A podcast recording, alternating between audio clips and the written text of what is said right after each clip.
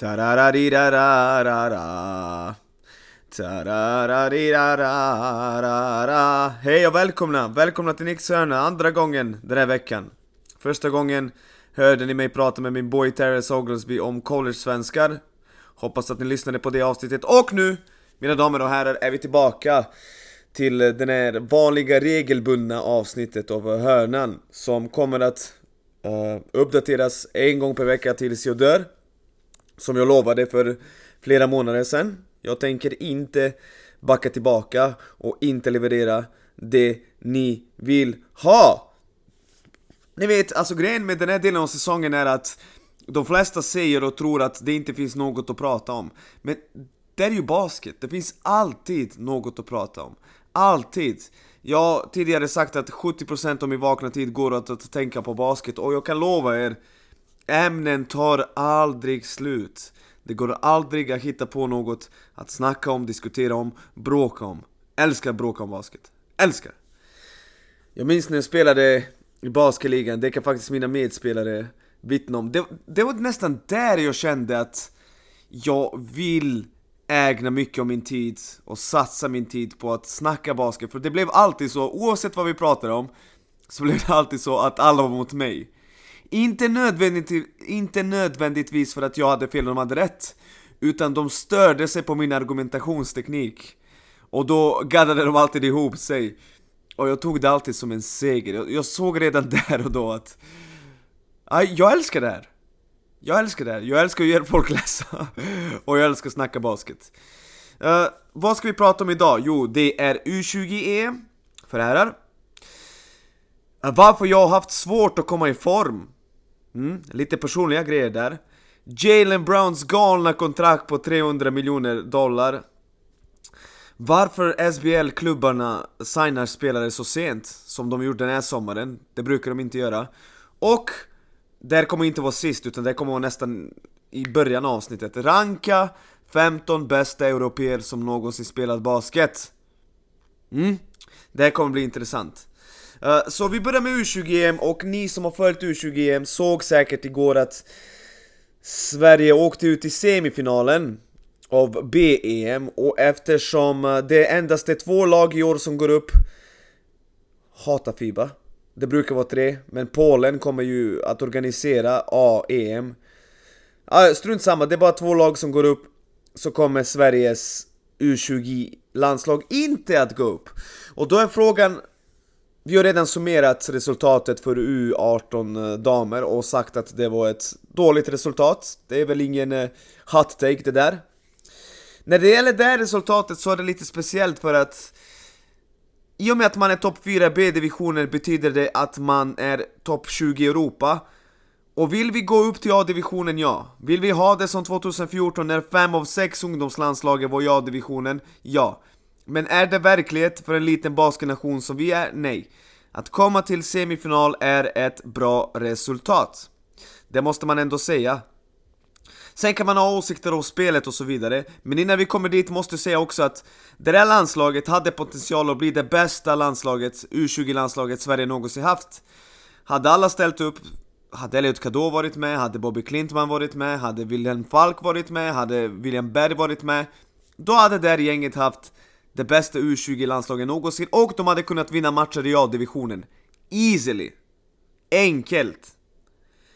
Jag är inte överkaxig eller något, utan jag bara säger som det är. Hade alla varit med så hade den generationen varit något speciellt. Men, något som man, man kan ta med sig härifrån är faktiskt att startfemman i turneringen var ju femman som spelade U18 förra året. Så de kom topp 4 nu, Nästan alla spelare är, kommer, näst, uh, nästan alla spelare kommer kunna spela nästa år också. Förstår ni vad jag menar? De var ju 18, nu var de 19 och egentligen ett år yngre än majoriteten av konkurrensen. De som inte kommer kunna vara med nästa år är Broström eh, Delryd och Atle Mellström tror jag. Alla andra, om jag tror jag, jag är inte 100% säker. Eh, Jared Bryant kommer kanske inte heller kunna vara med Men alla andra kommer kunna vara med nästa år och det är ju fantastiskt bra för nu ser vi att det landslaget har ganska bra potential uh, och varför inte bygga vidare? Jag hoppas att alla grabbar ställer upp nästa år också Så kan de ta upp Sverige till A-divisionen När det gäller spelet jag har tyckt turneringen igenom att spelet har varit mycket upp och ner. Även fast man vann samtliga matcher i gruppspelet, och även fast man vann den här kvartsfinalen mot Schweiz, eh, så tycker jag att spelet har varit mycket upp och ner. Stundtals briljant, och sen skitdåligt. Jag blev fruktansvärt irriterad i matchen mot Schweiz, för Schweiz är ju inte bra. alltså det såg man ju direkt, precis som i semifinalen när man såg att Tjeckien är bättre än Sverige. Alltså visst, man kan ju slå ett lag som har mer talang, som där det händer ju, framförallt i ungdoms-EM. Men man vill inte att det ska hända Sverige, att de förlorar på det sättet, utan man vill att de ska överprestera och vinna. Så Schweiz var ett... De var inte bra, det såg man efter första fem minuter. Inte många snubbar som kan hantera bollen, inget skytte. Medan Tjeckien de sköt dåligt under turneringen, igår kunde de inte missa, men jag tycker också att jag såg väldigt tydlig struktur. Eh, många spelare som är ungefär lika långa, långa armar, kan både attackera en close-out och liksom skjuta bollen.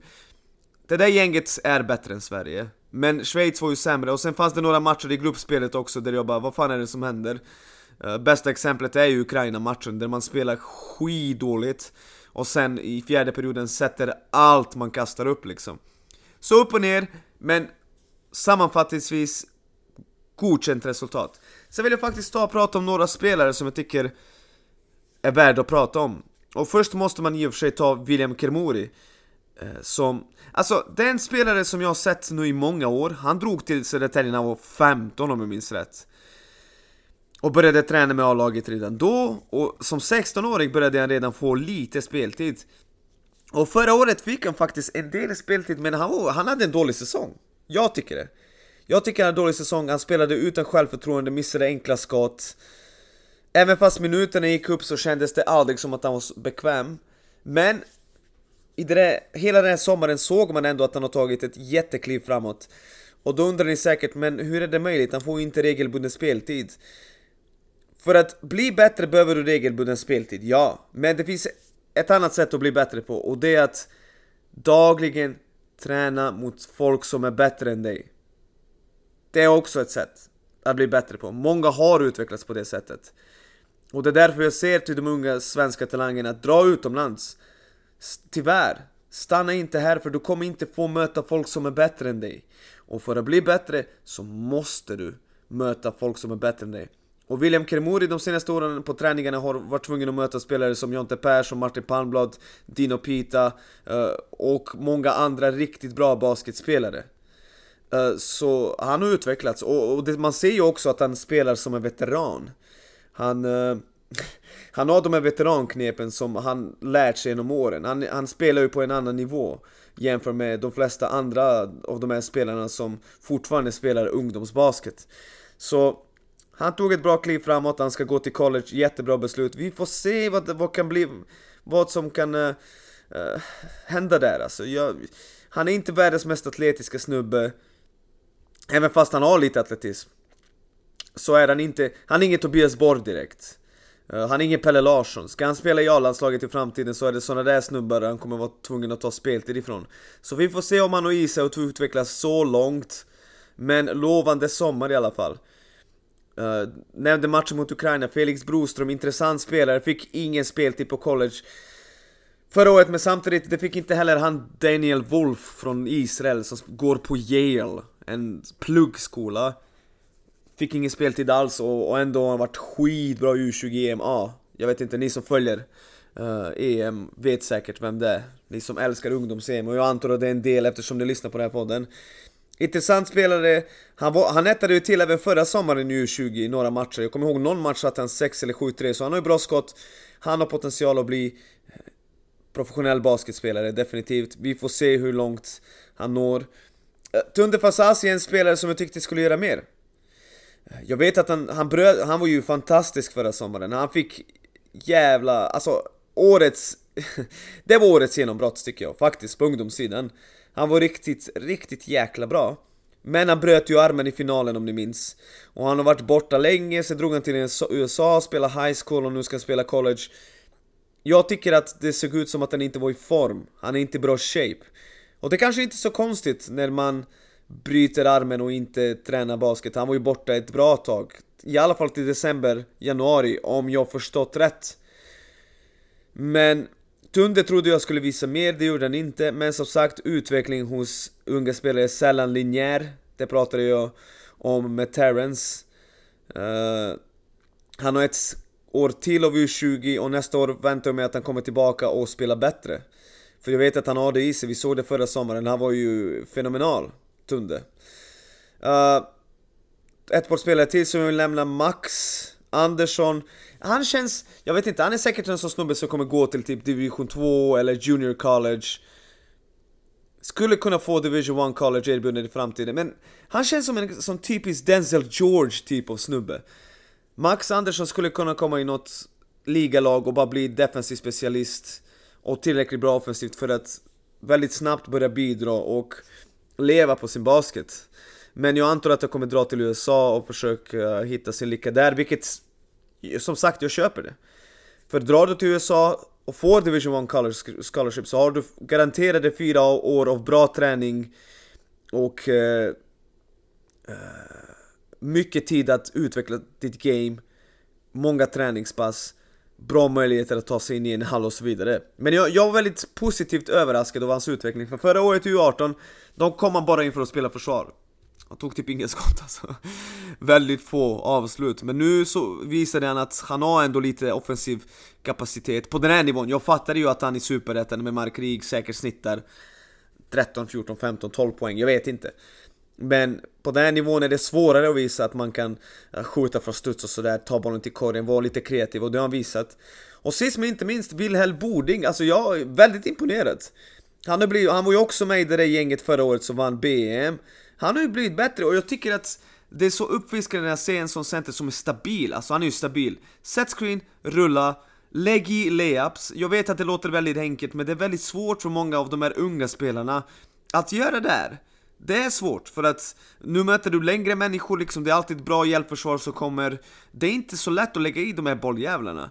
Han spelar smart, och jag undrar om U18 som vi kommer sända på SVT från och med 22 De är väldigt bra på guardpositionerna, men jag tror inte de har en center som Boding som bara gör det han ska. Set screen, spela försvar, rulla, spela smart, kicka ut bollen om någon annan är öppen. Uh, Begå inte turnovers, uh, gör inte dumma stegfel när du fångar bollen och kommer i fart jag tycker det har varit väldigt roligt att följa honom och hans utveckling. Det är flera spelare i det laget som har blivit bättre och det är väldigt kul att se. Jag skulle kunna gå igenom hela laget, det kommer jag inte göra. Hur som helst, bra resultat. Inte succé. Spelet upp och ner. Men start, hela startfemman kommer kunna spela nästa år också, och även flera spelare från bänken. Så det är väldigt positivt. Nu går vi till den här listan som jag pratat om, och det är de 15 bästa européerna någonsin. Hear me out baby, hear me out. Jag vet att det finns många som inte kommer hålla med mig, men jag struntar i uh, faktiskt. Uh, för det här är min lista. uh, på plats 15, Nikola Vucevic, Vuc! Sköldens boy från Chicago Bulls. Haft mycket bra karriär. bra spelare, kan skjuta, svag defensivt, men ändå gjort massa år i NBA, tjänat massa pengar. Han måste finnas med på den här listan. Tony Kukoc, plats 14. Och jag vet att om Addis Nimmersten skulle någonsin lyssna på basketpoddar, eller den här podden, så skulle han säga men vänta, Kukoc, kolla på hans stats, ahaha. Tony, vad var det han har sagt? Att Gallinari är bättre än Tony Kukoc. Det är insane. Det, det är insane jävla påstående. Men i alla fall, Tony Kukoc, plats 14. Han har kanske inte gjort lika många säsonger, eller poäng, som... Uh, han har inte lika vass poänggörare som Vucevic, men Vet man så vet man. Han var ju otrolig, han var ju före sin tid, han drog till NBA ganska sent. Hade han uh, kommit upp idag, då hade han dragit till NBA när han 1920, fått bättre träning, mer träning, han hade säkert blivit All-Star. Det är jag 1000% säker på. 13. Detlef Schrempf, en spelare som är otroligt underskattad. Gjorde hela tre All-Star-matchen, om jag minns rätt. Ingick i det där klassiska Seattle Supersonics-laget, och en spelare som har så flyger under radarn. Han är inte uppskattad, jag vet inte varför men av europeiska fans, det är nästan aldrig jag hör någon säga Ey, vet ni vem som är bland de bästa? Detlef Schrempf. Men tro mig, ni som är yngre, om ni inte vet vem Detlef Schrempf är, youtubare, han var nice. 12. Uh, eh, Arvidas Sabonis. Uh, han är en spelare som var otrolig. Uh, många har försökt förklara för mig och jag har förstått det att han var ju kvar i Europa tills han var 29 och när han drog till USA var han gammal och skadad och ändå, och ändå var han typ på väg att bli Allstar. Alltså han var ju fenomenal, han var Nikola Jokic före Nikola Jokic. Otroligt stor, otrolig passare, mäktig spelare. Eh, svenska spelare som har mött honom från 70 80-talet är lyriska när de pratar om honom. Han är bara den duden. Men behövde kanske lite fler år i NBA för att hamna på en högre plats. Uh, sedan har vi på plats nummer, vänta, 15, 14, 13, 12 På plats 11 har, nej vänta. 11 15 var Vucevic va? Kukoc var 14 Schrempf var 13 Sabonis är 12 Drazen Petrovic 11 och jag skulle vilja ha Drazen Petrovic högre upp på den här listan. Det är många som säger att han kanske är till och med är den bästa spelaren i Europa någonsin. Det tycker inte jag. Eh, men han visade i NBA att han kan snitta 20-25 poäng per match. Och på den tiden var det omöjligt nästan för en europé att göra det. Bäst träningsmoral av alla spelare någonsin förutom Kobe Bryant och allt man har förstått var, när han faktiskt gick bort i bilolyckan var han ju faktiskt på väg att signa till, i Panathinaikos För han var ju sugen att vara närmare hemmet. På den tiden fanns det inte Skype Fanns inte Teams, Zoom, Facetime. Han Saknade både sin flickvän och familj Så han var ju faktiskt jättenära att skriva på Panathinaikos för två år. Det är något många inte vet men han dog tyvärr. Eh, otrolig bössa, otrolig poänggörare, en föregångare. Hade säkert hamnat högre upp om han hade fått leva uh, några år längre. Uh, Enorm tragedi. Plats 10, Vlade Divac. Intressant fakta. Uh, Henrik Sköldström och Adis Nimmerstam och även Johansson, eh, nej Adis gillar ju inte. Men Henrik Sköldström och Henrik Johansson gillar uh, Advanced Stats. Vet ni vem som har mest, best winshare av alla spelare i NBA draften 1989? Vlade Divac. Visste ni att Vlade Divac har gjort All-star-match? Visste ni att Vlade Divac, eh, liksom direkt när han kom till NBA, ingick i Lakers startfemma som tog sig till final? Alltså han hade också en underskattad karriär, eller i och för sig kanske inte underskattad, jag tror att folk fattar. Uh, Men man minns ju alla de här fighterna han hade mot Shaq och allt hans floppande liksom, så, så han har blivit något av en meme genom åren, men uh, Vlade Divac, uh, enorm, enorm, enorm karriär sedan går vi vidare till plats nummer 9 Och där finns Rudy Gobert. Men vänta, är, är det på... Va? Har jag missat någon? Eh, 10 uh, Ja, nu är jag på plats 9 1, 2, 3, 4, 5, 6, 7, 8, 9 Precis. Nu är jag på plats 9 Jag ber om ursäkt. Uh, Nu är jag på plats 9 och på nionde platsen har vi Ingen mindre än Rudy Gobert, och tro mig, jag vill inte ha Rudy Gobert här, jag är inte ett fan av hans game, även fast jag tyckte det var bra trade eh, Minnesota gjorde, vilket visade sig vara typ den sämsta traden någonsin. Jag, ni, vet, ni som har lyssnat vet, jag har aldrig varit ett fan. Ah! Ja, jag ber om ursäkt. Jag har aldrig varit ett fan, men samtidigt, han har varit årets försvarare massa gånger, han har Eh, eh, blockat otroligt många skott, han har faktiskt byggt upp ett CV som är tillräckligt bra. Att vara på plats nummer 9 Det finns inget att diskutera där. Eh, men jag är inte ett fan av hans game alls och jag tycker inte att det är en spelare du kan vinna titel med. Jag sa när jag drog till Minnesota Okej okay. Nu har de fått in en snubbe som kommer göra att de vinner 50-55 matcher varje säsong. Det är nästa steg för en losing franchise. Men det visade sig att jag hade fel, återigen och att det där, det där kan vara den sämsta traden någonsin.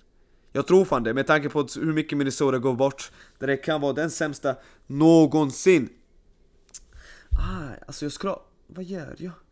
Uh, på plats nummer... åtta har vi Marcus Gasol. Uh, också lite Jokic-aktig i och med att han var fantastisk passare. Vann årets försvarare ett år där LeBron James skulle blivit årets försvarare. 2012 eller 2013 om jag minns rätt, men it is what it is. Haft en enastående karriär, och vet ni vad? Han är inte sista Gasol-människan på den här listan. Plats nummer sju har vi Peja Stojakovic. Uh, Också lite som Detlef Schrempf, blivit lite bortglömd. Uh, vunnit uh, trepoängsställningen två gånger i rad, en av bästa bössor någonsin, också en föregångare. Uh, var faktiskt tvåa i scoring en säsong, 2003-2004 om jag minns rätt. Kanske till och med 2004-2005 Men jag tror det är 2003-2004 när Chris Webber var skadad. Uh, Enastående spelare, tre gånger All-Star uh, Och bara, före sin tid, hade mått mycket bättre av att spela i NBA idag när alla får hoista iväg hur många trepoängare som helst. På plats nummer 6, Tony Parker. Uh, Fantastisk pointguard uh, En vinnare, gynnades av att spela med Tim Duncan men hej, alla vi formas av våra omständigheter i vår miljö. Uh, otrolig spin move och floaters nära korgen. Uh, En vinnare som vann EM med Frankrike också, välförtjänt. På plats nummer 5, Luka Doncic, och ni undrar säkert men vänta, Luka Doncic är bara 24 bast, vad gör han där? Han har gjort tillräckligt. Jag, ni ser på den här listan, jag vill ha spelare, och just det, det här glömde jag nämna.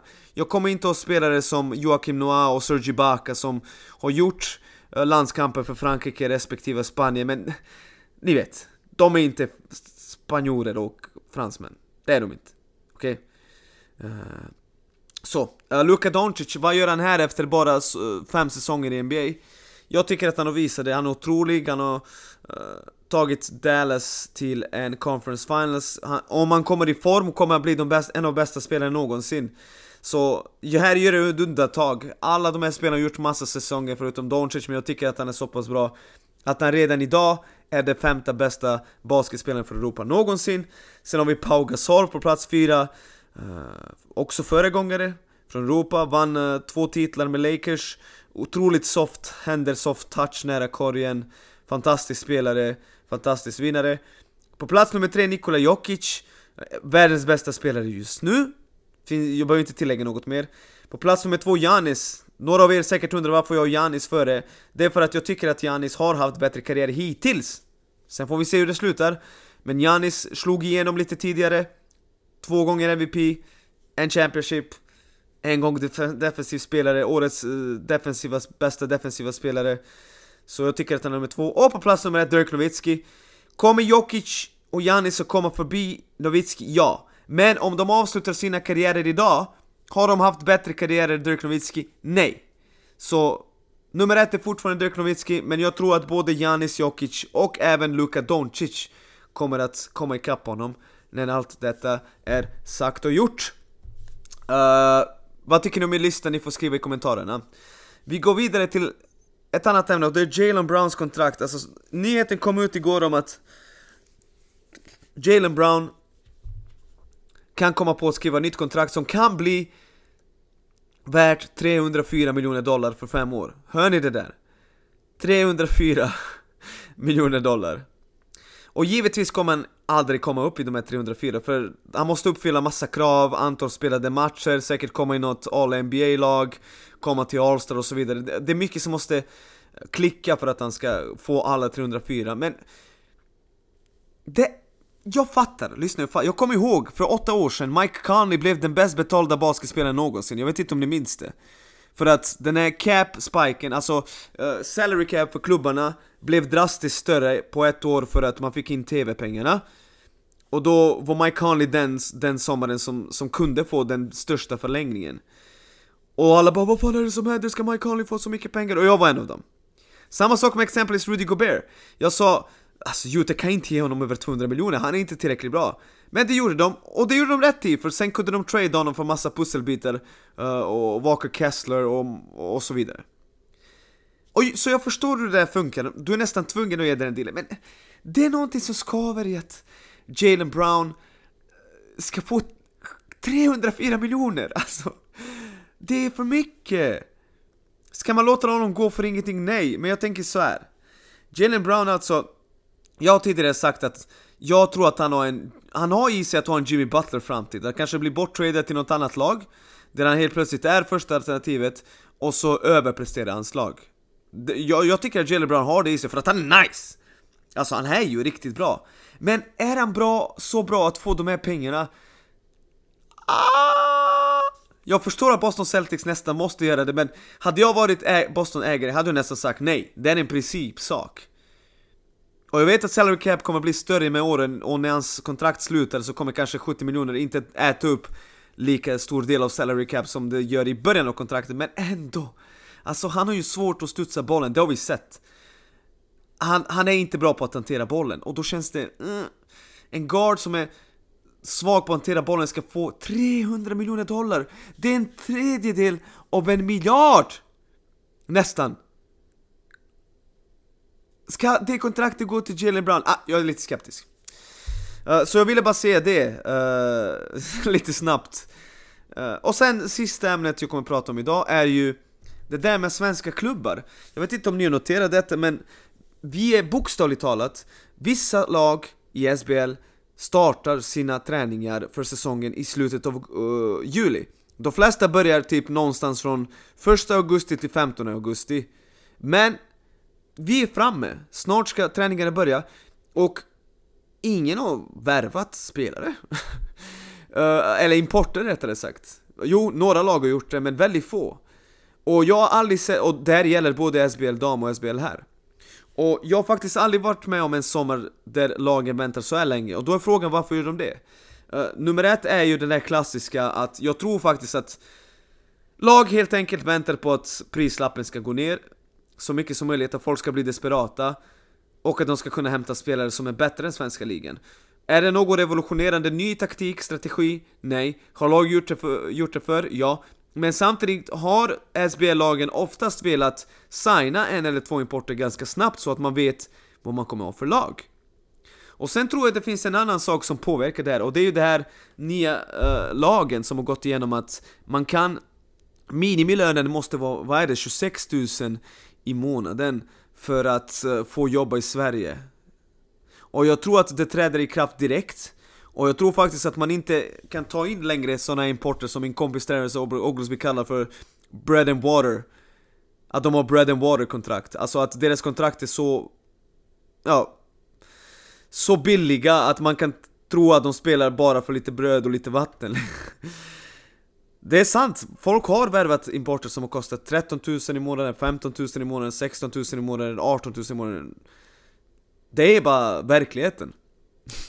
Så jag tror att den möjligheten försvinner nu och att det är därför folk är mer försiktiga än någonsin med att signa spelare. Jag kanske har fel, jag kanske har förstått det här på fel sätt, att det inte träder i kraft direkt, eller att det inte gäller eh, idrottare, jag vet inte. Men eh, jag tycker det är väldigt intressant, för tittar vi på Borås, Chris McKnight har tvåårskontrakt, tre andra, spel, tre andra platser för importer, de har inte fyllt upp det. Uh, Norrköping har Marcus Tyus och uh, den nya fyran från Boston College. Finns två platser kvar att, att fylla. De kommer mest troligt att fylla en, så brukar de göra. Uh, Vi går vidare till BC Luleå. Jag tror inte BC Luleå har signat en enda import. Uh, De brukar vara sena med att signa, men de har inte en enda. Uh, Södertälje, de har signat en import, tror jag. Tre platser kvar att fylla. Uh, Vi går vidare till Jämtland, de har signat en amerikansk pointguard Sen är det tomt. Så ni fattar vad jag menar. Jättekonstigt att det, vi är så sent in på sommaren och importplatserna har inte fyllts. Så det ska bli väldigt intressant att se Vem vinner den här importvärvarlotteriet uh, Som uppstår eh, nu i slutet av sommaren Eftersom så många lag väntar. Och tro mig, i många fall Så är det samma spelare man tittar på. Jag, jag kommer ihåg när Norrköping vann guldet med eh, Kamau Stokes och Phil Carr och Larrier. Halva ligan tittade på exakt samma spelare Det året, den sommaren. Så det är ungefär samma typ av lirare, samma prislapp. Uh, det handlar om när spelare värvas. Så det ska bli kul att se vem som värvar bäst. Men jag tycker det är intressant, jag vill att saker och ting händer. Jag vill att vi ska kunna utvärdera baby. Jag vill att vi ska kunna uh, prata, ha tankar, vi måste få igång det där SBL-maskineriet baby. Få igång det. När det gäller damer, samma sak där. Uh, Robbie, Robbie Ryan har Luleå signat. Men uh, tomt på importer, vi får se hur många importer de värvar i år. Uh, Södertälje har fyllt eh, två importplatser med en serbisk och en dansk spelare, mycket intressant Ska bli kul att se var det landar och, och så vidare, Mark har värvat flest importer hittills tror jag Eh, men hur som helst, intressant. Och jag avslutar detta avsnitt med detta. Glöm inte, bänken ljuger aldrig. Och glöm inte, jag kommer uppdatera den här podden en gång per vecka, resten av mitt liv. Se till att lyssna. What? Jalen Brown kan inte studsa bollen.